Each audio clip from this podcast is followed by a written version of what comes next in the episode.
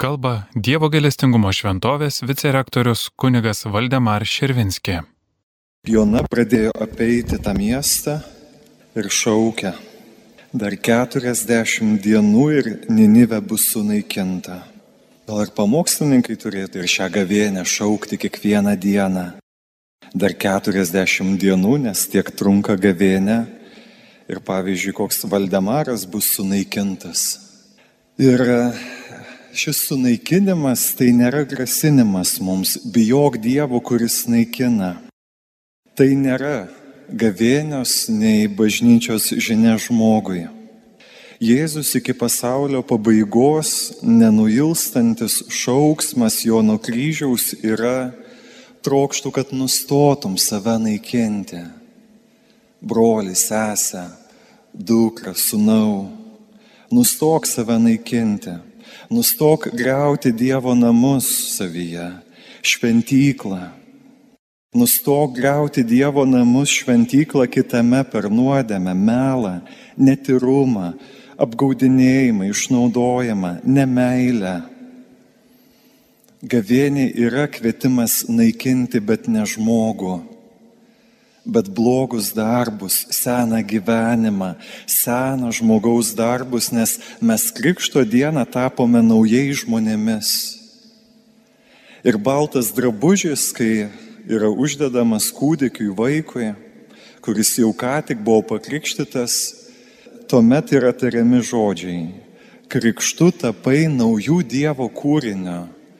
Atnešėt paprastą vaiką, o išeinat su naujų Dievo kūriniu panašių į Kristų. Šis baltas drabužis te bus ženklas tavo nepaprasto išaukštinimo ir nekaltumo. Jeigu nuodėme mus pažemina, jeigu nuodėme visada mus apiplėšia, jeigu nuodėme mus išpurvina, Dievo malonė per gavėnę šaukia mus ir vėl į kelią, kuriame renkamės Jėzų, renkamės tiesą, renkamės šviesą. Nes tik tai Jėzus mus gali nuplauti, aprengti, pagydyti ir išaukštinti. Ir vėl galime tapti tuo, ko esame pašaukti būti. Nepaprastai kilnus išaukštinti naujais kūriniais. Ir Dievo žodis šiandien sufleruoja tris dalykus kaip labai svarbius žingsnius naujo žmogaus kūrimui. Naujas žmogus yra kai? Klausai. Klausaisi Dievo žodžio. Ninivės gyventojai neignoravo Dievo žodžio per pranašą, jis buvo neskelbtas, bet buvo iššauktas tas Dievo žodis. Buvo iššauktas, su jėga pasakytas. Ir tų Dievo žodžių iššauktų pranašų mes turime kupinus šventojo rašto puslapius. Tampu naujų kūrinių, kai klausausi pranašų, kurie šaukia iš Dievo žodžio klausytis. Sekantis žingsnis yra atsiliepti. Kiekvienas tegul nusigrėžia nuo piktojo kelio Dievas pamatė jų darbus, kad jie nusisuko nuo piktojo kelio. Ninibės gyventojai sėdo į pelenus. Naikinamus dažnai nuodėmingos aistros ir naujo žmogaus pasirinkimas turi būti nebemėtit malkų į tą gaisrą, į tą kažkokį laužą, nebekurstyti ugnies Tai mane greuna. Turiu gesinti tą laužą ir ant tų pelenų atsisėsti. Nei mėtyti malkų kurti ugnį, nei imti tos pelenus ir dabar žiūrėti. Vaje, vaje, koks aš blogas žmogus. Tai būtum dar blogesnis, jeigu ne Dievo malonė. Padarytum dar bjauresnių dalykų, jeigu ne Dievo malonė. Tikinti žmogus nėra pašauktas žvelgti į pelenus, į savo blogus pasirinkimus ir nėra pašauktas kurstyti ugnį, aistros ugnį blogiui. Todėl gavėnė yra tas metas, kai turiu, aha, nes darom tas pačias nuodėmes, todėl kad neieškom naujų kelių. Jau žinau, kad mane kabins tas dalykas, tas dalykas ir tokios aplinkybės. Aš jų išvengsiu. Aš pakeisiu kelią, aš jau nebeisiu tuo pačiu keliu. Aš nebedarysiu tų pačių žingsnių ir nedarysiu tos pačios nuodėmės. Užversiu kelią, skambinsiu, išeisiu, padarysiu tai tą kartą, ko niekada nedarydavau. Tai yra to kelio užverimas seniems. Sakau šiandien ne tam, kas mane greuna, vengsiu progos, atsisakysiu senų schemų, gesinu tai, atsižadu to. Tai reiškia atsiliepti į Dievo žodį. Tai reiškia nusisukti nuo pikto kelio. Tai yra mano uždavinys nusisukti. Dievas neteis ir mano galvytės nepasuks į kitą pusę. Aš turiu galvą pasukti. Aš turiu suprasti, kad čia reikia nesimėgauti, bet reikia nugręžti galvą, nes ten nieko gero. Ir atsisėsti galiausiai ant tų pelenų. O kur atsisėdu žiūrėti? Dievo žodė šiandien kviečia mus susitikti. Ta daro žmogus, norintis pradėti naują gyvenimą pelenai po manimi, aš ant jų sėdžiu, bet žvilgsnis nukreiptas į Jėzų. Į Jėzų, kuris vienintelis sugeba mus iš brūžgyno į avidę atnešti, iš kiaulydžio atnešti į tėvo namus. Pranašas Izaijas pasakys, jo žaizdomis esate išgydyti. Jo žaizdomis esate išgydyti. Raskime laiko susitikti su jo žaizdomis kiekvieną gavėnios dieną. Paimk ir atsisėsk, paskaitęs, pamastęs Dievo žodį, prisiliesk prie jo žaizdų, prisiliesk prie jo kojų pervertų vinies, prisiliesk rankomis prie jo delnų, prisiliesk prie jo pervertos širdies Jo žaizdomis būsime pagydyti, jo žaizdomis žvelgdami į jį tapsime naujais kūriniais. Klausyti, atsiliepti, susitikti. Nebus duota kito ženklo.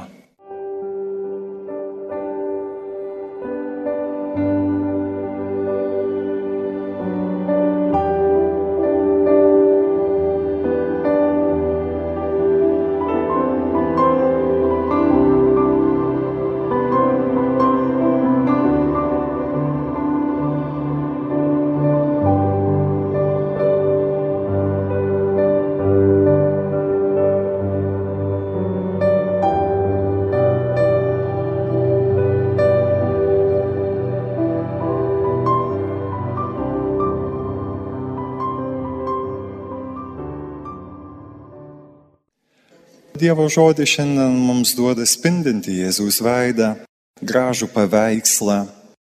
Šiandien, kai skaičiau Dievo žodį, tai dvi mintis tokios labai aiškios ateina man į galvą, kuriomis norėčiau pasidalinti, kurias norėčiau jums įdėti į širdį, kad visą tą ateinančią savaitę, jeigu neteks jums dalyvauti mišiuose, kad pagalvotumėt, ar tai nėra apie mane, ar tai nėra apie mano gyvenimą, nes Dievo žodis ne juokas, jis mus nori pamaitinti ir duoti krypti gyvenime, nori judinti mus šiek tiek. Jeigu snuduriuojat, tai arba pavargęsat, arba pamokslininkas prastas. Tai, o gali būti ir du dalykai kartu. Tai Alfa ir omega, sakyčiau, šiandien yra du taškai liturgijai. Pirmasis skaitinys, kurio prasideda skaitiniai ir Evangelija kaip kulminacija visų skaitinių. Tai va tas alfa, ta pradžia, šiandien mums pristato Abraomą, kuris labai gražiai Dievui pašaukus, jam paklūsta, palieka savo miestą ir keliauja nežinoma kryptimi paveldėti pažadėtąją žemę. Taigi atpirkimo istorija iš vienos pusės prasideda nuo to, kad Dievas siūlo, Dievas visada yra pirmas, mes šito nenoriu paneigti, bet atkreipkite dėmesį, kad išgelbėjimo istorija, nes mes visi esame kilę nuo Abraomo. Iš jo mokomės tikėjimo, pasitikėjimo Dievu. Tai kad mūsų išgelbėjimo istorija prasideda nuo žmogaus, kuris paliko savo namus. Tai yra labai svarbu palikti savo namus, tai, kas yra saugu ir įprasta. Kodėl tai svarbu, kalbant dar apie Abraomą? Nes Abraomas tai nebuvo jaunikaitis, kuriam buvo 25 metai, kuris buvo ką tik baigęs studijas, galėjo ryšulėlį sudėti su savo diplomu ir iškeliauti kur nors į pasaulį ieškodamas darbo. Ne. Abromas tai buvo, įsivaizduokit, 75 metų vyras, tą žinome iš Evangelijos, iš Dievo žodžio Senojo testamento, stambus verslininkas, šimtai gyvulių, tarnai, šeima. Ir be abejo daugelis žmonių pamatė Abromą, multimilionierių tais laikais, 75 metų vyrą, kurio šūkis galėtų būti gyvenk ir žvenk. Visko turiu, nieko netrūksta. Dievas sako, Abraomai, ačiū tau, dabar turi viską palikti ir keliauti į kitą kraštą ir kurti naują gyvenimą. Aš galvoju, kad ne vienas savo pirštu suko ties smilkiniu ir rodė Abraomui įvairiausių ženklų, sakydami žmogau, kas su tavim vyksta, kas tau ten kokie varštai atsipalaidavo, sėdėk namie ir džiaugis tuo, ką pasiekėjai gyvenime, o Dievas liepia išeiti, jisai išeina. Ir antrasis taškas, ties kuriuo šiandien norėsiu sustoti, tai Evangelija. Dangaus vizija. Atrodo, kad tai yra galutinė mūsų visų kelionės stotis. Kas yra tarp šio pirmo taško, išėjimo ir to paskutinio taško dangaus vizijos? nuolatinis keliavimas. Kadangi čia yra jaunimo mišios, tai labai svarbu šiandien, mielas jaunas žmogau, aš irgi dar esu jaunas žmogus, priminti tau, kad gyvenime niekada nereikia nuliūsti, kai kažkas nepavyksta, kai kažką užsibrėžėt savo gyvenime. Čia tenka gyvenime grįžti, ieškoti, klausti, pasiduoti, pakilti, o mums yra tragedija kunigė, studijuoju ne savo dalyką. Ką dabar daryti? Mama tėtis galva nusuks, nes visi svajojo, kad dirbsiu tokį darbą visą savo gyvenimą. Tai ne mano, paliktas studijas. Ne tavo. Pasaulis dėl to nesugriūs. Svarbu, kad tu būtum laimingas, darytum tai, ką jauti, kad širdyje turi daryti. Kunigė, aš gyvenau labai sunkioje šeimoje, mane išnaudojo, palik tai, nebesisuk ten, nieko nebepakeisiu, tu gali gyventi naują gyvenimą, tu nesi nei tavo mama, nei tėtis, nei tavo artimieji, kurie tave žaidė. Tu gali pakilti ir pradėti kelionę iš viso šito.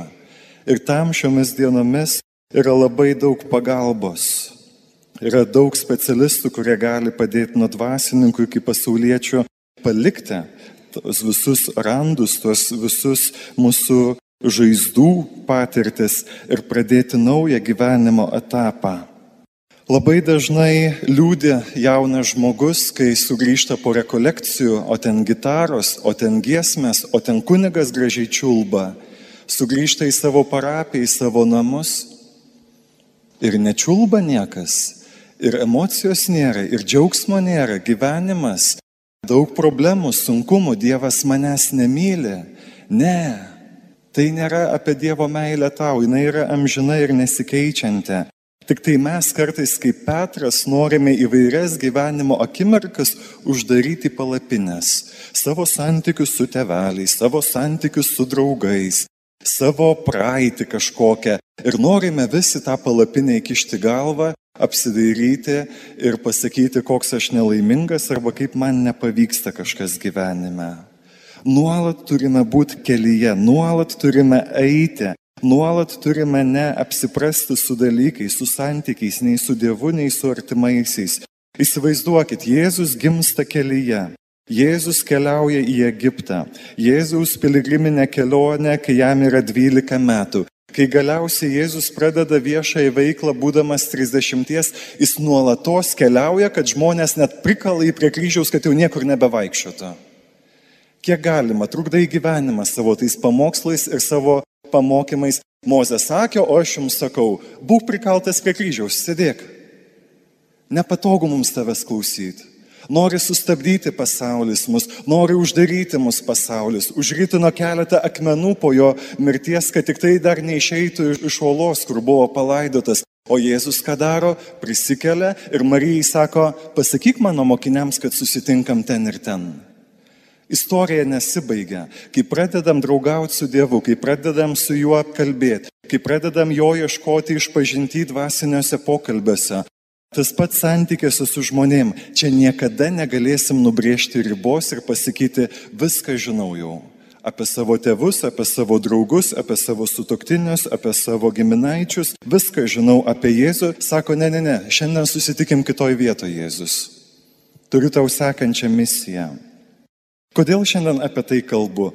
Todėl, kad man susidaro įspūdis vis dažniau būdant bažnytinį aplinkoje renginiuose, kad kai kalbam apie krikščionybę, tai tarsi būtų vaistas šventai ramybei pasiekti. Kunigė, pasakykit, kiek šventųjų mišių išlankyti, kad kažkas ten atsiverstų. Kunigė, kokią maldą sukalbėti, kad vyras ramesnis šiek tiek būtų. Kunigė, žentas labai piktas, kokį čia kryžiuką jam reiktų padovanot, kad jis šiek tiek nusišypsotų. Norime visus įspausti kažkokius rėmus, kad tik būtų šventa ramybė, idilija. Nebus to. Niekada nebus ramu. Niekada nebus ramu su vyru ir žmona, kiek metų be pažįsti. Visada kažkoks varštas gali ten atsisukti ir tada ką darysi? Dejuosi, ne. Reikia į priekį. Ir ta kelionė yra nesibaigianti tiek santykėje su Dievu ir tiek santykėje su artimaisiais. Jeigu kažkas norite šventos ramybės, tai ne bažnyčioje ir ne krikščionybei. Šventos ramybės čia nėra. Čia nuolat sako, auk, auk, auk. O kunigė sako, kaip jums gera čia bažnyčiai, aš norėčiau kartu su jumis gyventi bažnyčiai, čia ramu. Galvoju, moterė, tu nežinai, ką tu kalbi, čia meteorai skrenda, čia yra karo lauko ligoninė, kaip sako popiežius Pranciškus. Čia miršta, čia gimsta, čia skiriasi. Aš išeinu, aš fantastikos knygų neskaitau. Jeigu jums atrodo, kad čia šventa ramybė, vaje, vaje, jūs esat labai klaidingai mąstantis apie kunigystę arba apie vienuolyną. Kiek daug žmonių nori pagyventi su vienuoliam? Dieve, klaikas ten. Taip pat dvasinis gyvenimas e, verda, ten pykstasi, ten taikosi, ten taip pat gyvenimas, ten nėra šventos ramybės, niekur nėra šventos ramybės. Visur yra nuolatinis kvietimas aukti, nuolatinis kvietimas dialogui, pokalbiui. Eik iš savo gimtojo krašto, iš savo tėvo namų į kraštą, kurį tau parodysiu. Palikti senus įsitikinimus, Ir tai nėra kalba apie žygį, dabar nesakau jums eikite į kitą parapiją, į kitą bažnyčią, bet labai dažnai tas žygis tai yra širdies kelionė mano, kuri yra labai taip pat nelengva. Pavyzdžiui, mums labai sunku suprasti arba labai dažnai santykiuose mes suabsoliutinam. Visada tai buvo, arba juk niekada taip nebuvo. Negalioja tai santykiuose su gyvai žmonėmis, su kompiuteriais, su intelektiniais protais, ten tais, kuriuos gamina, galbūt taip. Bet su žmonėm reikia kiekvieną dieną eiti naujai į santykį. Kai kam gali būti didžiausias žygis, kuris pareikalaus tokių pastangų, liktai šimtą kilometrų eičiau šią gavienę atsiprašyti.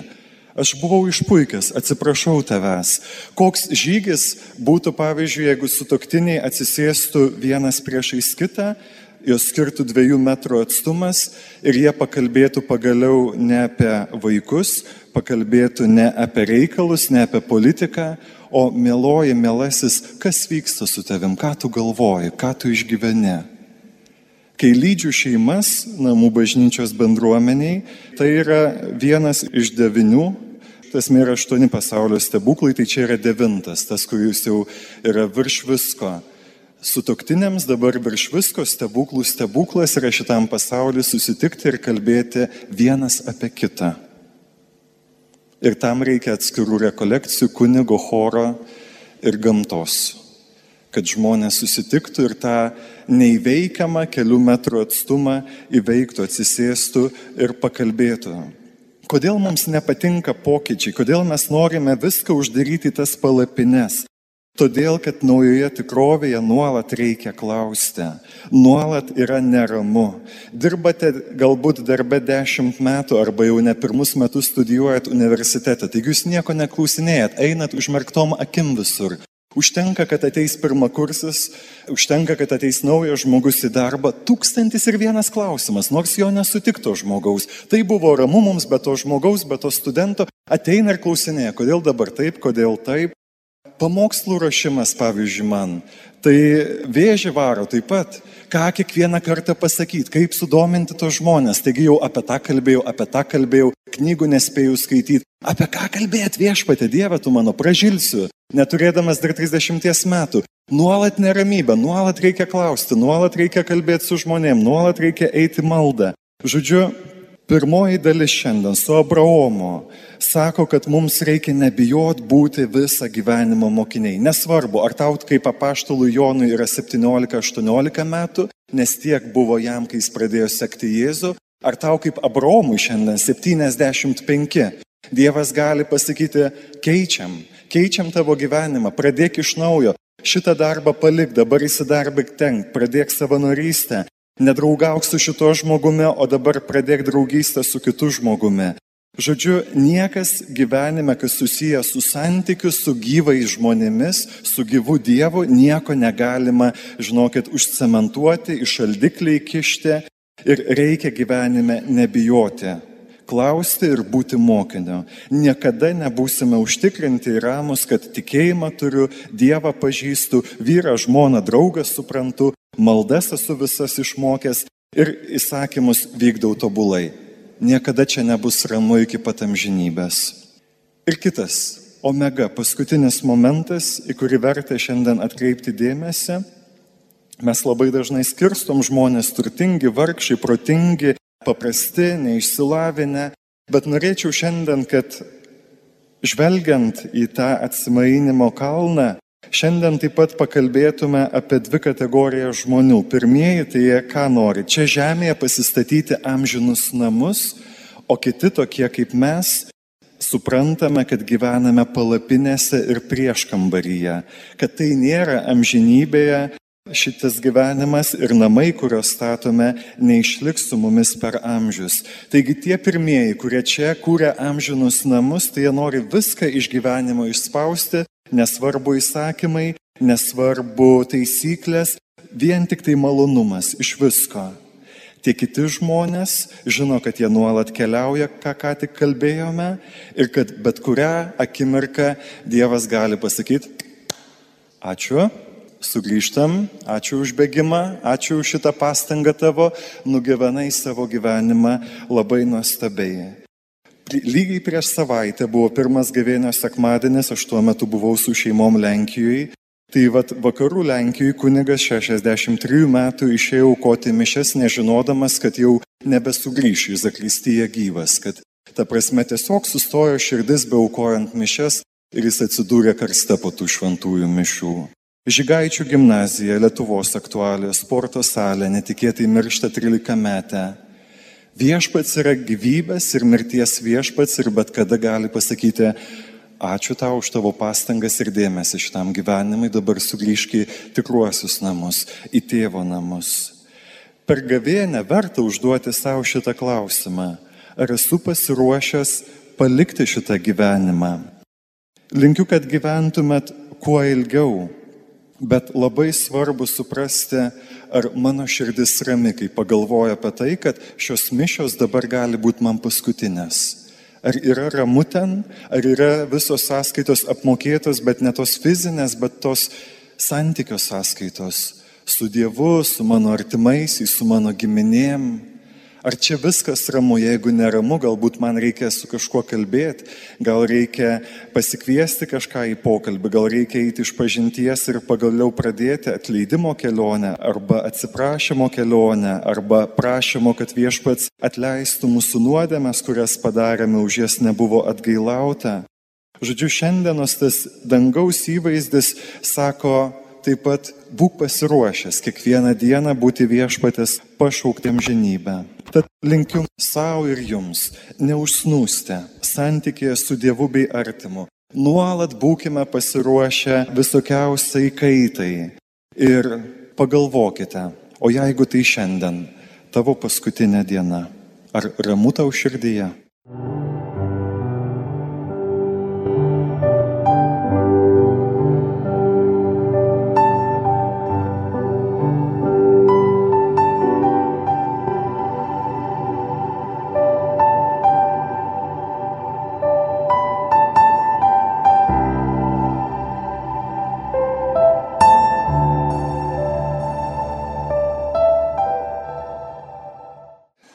Dievas rodo gailestingumą, nors mes prieš jį maištavome.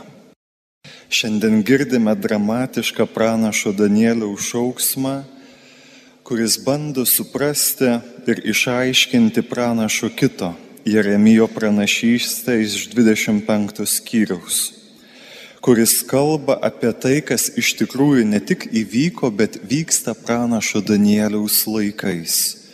Jeruzalė sunaikinta, tauta Babilonijos nelaisvėje. Ir pranašas Danielius netiesiogiai, bet šiandien klausia, iš kur mums šios nelaimės. Ir atsako, mes darėme nuodėmės ir neteisybės. Mes pamynėme ištikimybę ir kėlėme maištą. Mes pažeidinėjome įsakymus ir potvarkius. Kas te mes pranašė, mielas? Jis atsako, mūsų karaliai, vadovai, antra grupė mūsų protėviai, trečia grupė ir visi dabartiniai šalies gyventojai, kurie šiandien ir čia vaikštome šioje žemėje. Viešpatė tu teisus, bet šiandien tikra gėda mums. Bet toliau meldžiasi Danielius, viešpats mūsų Dievas yra gailestingas ir maloningas, nors mes prieš jį sukilome ir nepaklusome jo balsui. Jėzus, kuris vienintelis buvo benuodėmės, nuėjo permaldavimo už mūsų nuodėmės keliu. Jis nekaltasis kentėjo už mus kaltuosius.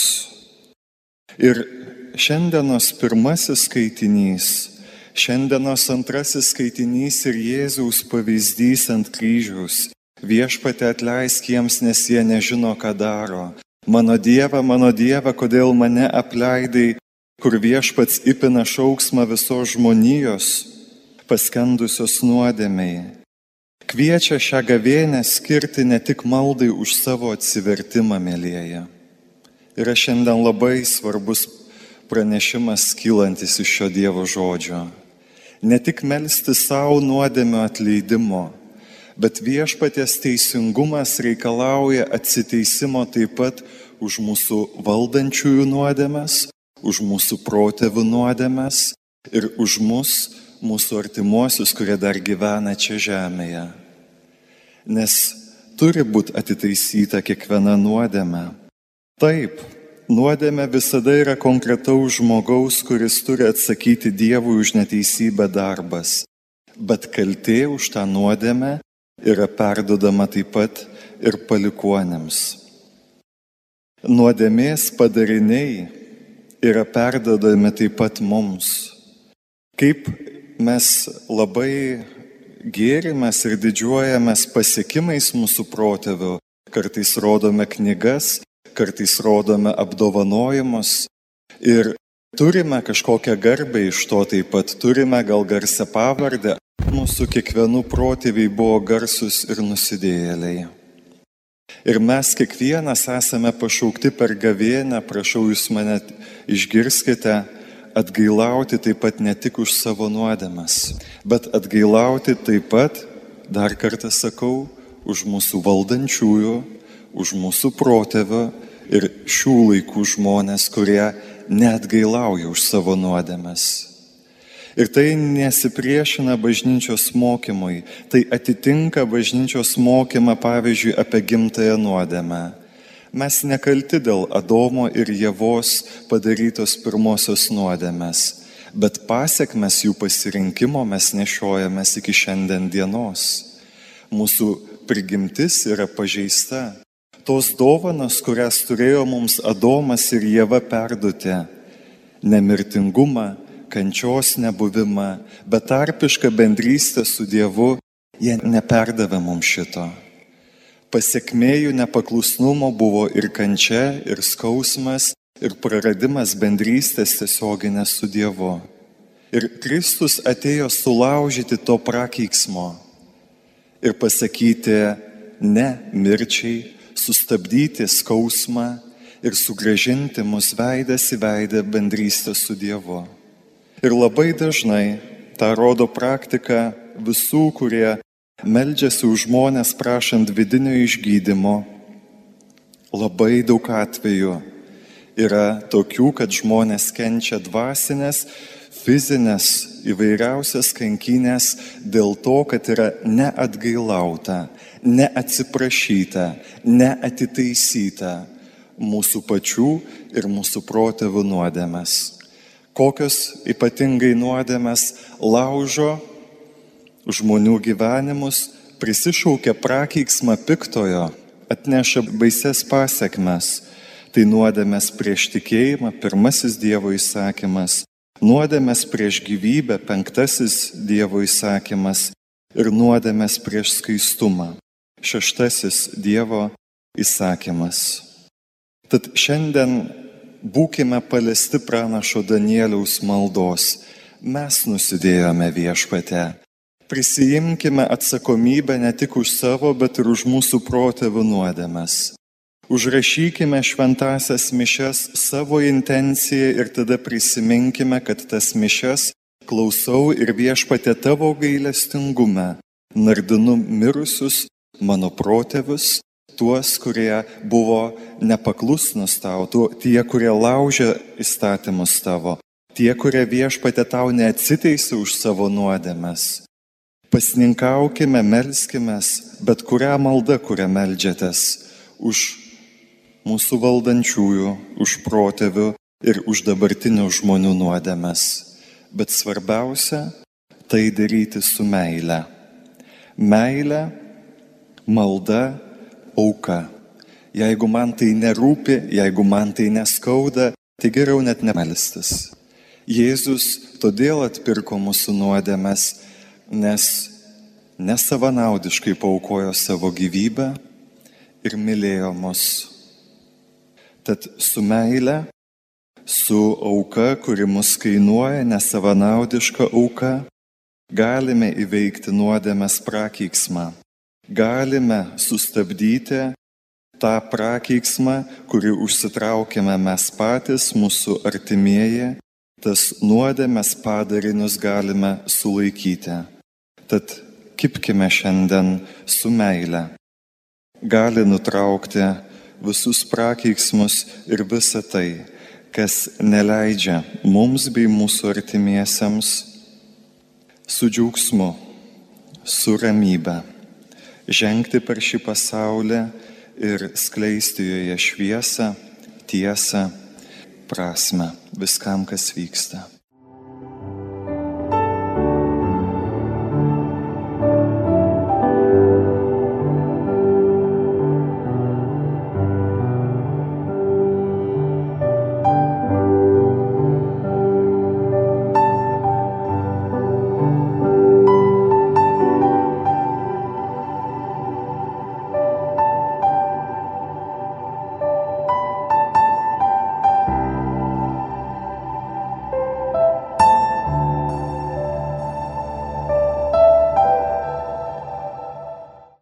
Dar gyvas manyje liudijimas iš gal jums girdėtos ir skaitytos knygos Jan Rečak palūžusią dvasę išgydo Jėzus, kur vieną kartą į to kunigo maldos grupelę atėjo mergina vardu Edita su prašymu pasimelsti už ją, nes jinai kentėjo dėl kažkokių virškinimo lygų. Ir po įprasto pradžioje šlovinimo akimirkos, pačioje maldos pradžioje vienas iš komandos narių gavo žodį, gavo pažinimo žodį ir sako, Edita viešpats Jėzus parodė, kad stovėjo priešais tave ir žvelgia į tavo širdį. Įtarsi skilėta dėl to, ką patyrei. Kažkas tave gyvenime apgavo. Aišku, kad mergina apsiverkia, jinai atėjo tikėdamasi, kad bus išgydyta iš savo tų virškinimo problemų, o jai pasako apie skilėtą širdį, kuri kažkodėl tai parūpo Jėzui pirmiau už jos virškinimo visą sistemą. Jis apsiverkė, nes jinai jau buvo užmiršusi prieš 20 metų kažkokį jaunuolį, jinai labai mylėjo. Jis taip pat sakė, kad ją myli, bet galiausiai, kai atėjo laikas kalbėti apie kažkokius rimtesnius ateities planus, jisai sako, paliko mane, Sako, visa tai buvo melas visą tą laiką, kol draugavome. Skilėta širdis, man atrodo, kad labai tinkantis vaizdinys gavėnios laikė mums. Vaizdas to, kas sunaikinta, vaizdas to, kas žmoguje gražiausia ir vertingiausia buvo paniekinta. Ir tokių įvykių mūsų gyvenime labai daug ir jų negalima irgi kažkaip sumenkinti, nes pats viešpats iškelia tai mums visada. Jeigu ten nėra ramybės, jeigu ten nėra kažkaip susitaikyta su tuo. Tas skilėta širdis tai akimirkos, kai mus apgaudinėja kitas žmogus. Tai akimirkos, kai kažkas žada ir neįvykdo.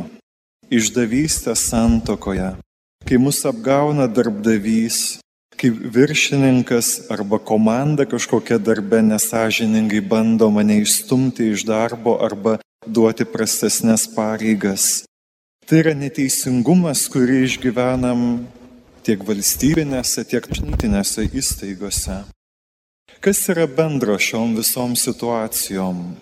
Tiesos trūkumas, tiesos stygius. Tai smogia Dievui į širdį, tai sužeidžia taip pat žmogaus širdį. Ir griežčiausi žodžiai, kuriuos girdime Evangelijoje iš Jėzaus lūpų, sklinda tiems, kurie gyvena mele.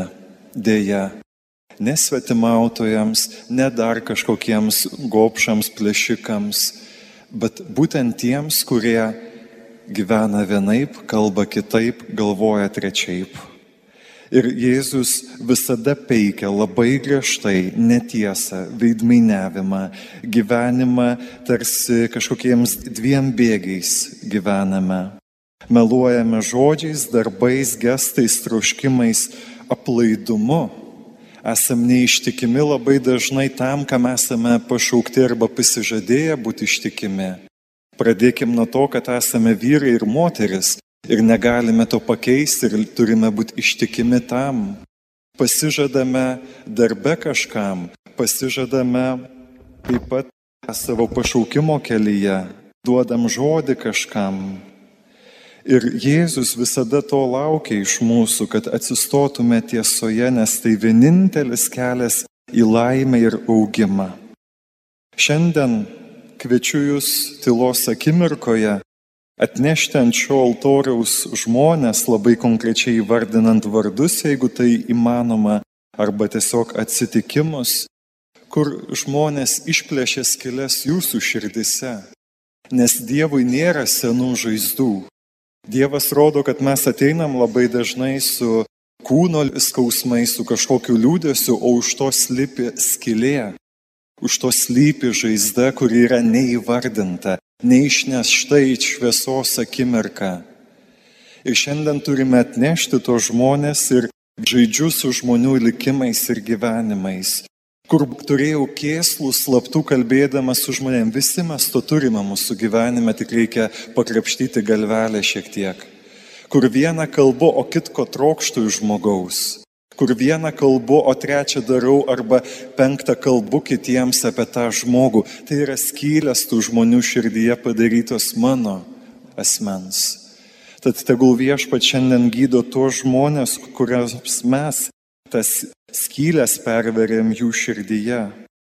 Tegu gydanti meilės dvasia šiandien gydo mūsų, mūsų artimųjų širdies tas skylės, žaizdas ir meldžiu, kad tiesos dvasia švelniai taip pat, bet aiškiai paliestų mūsų akis, atminti, kad pamatytume ir negalėtume su tuo gyventi, kur dar mano gyvenime yra netiesos ir vaidmainystės, nes tai yra koktų Dievui. Jis pats būdamas pasaulio tiesa, jis pats būdamas tiesa iš tiesos nekenčia to, kas nori gyventi netiesoje arba gyventi kažkokioje apgavystėje. Tad tegul šventoji dvasia šiandien galingai paliečia mūsų širdis, atveria gydančiam Dievo veikimui ir leidžia pamatyti, kur dar trūksta mums tiesos viešpate. Ateik šventoji dvasia, leisk mums pamatyti tai, ką viešpats trokšta, kad pamatytume. Amen. Kalbėjo Dievo gailestingumo šventovės vicerektorius kunigas Valdemar Širvinski.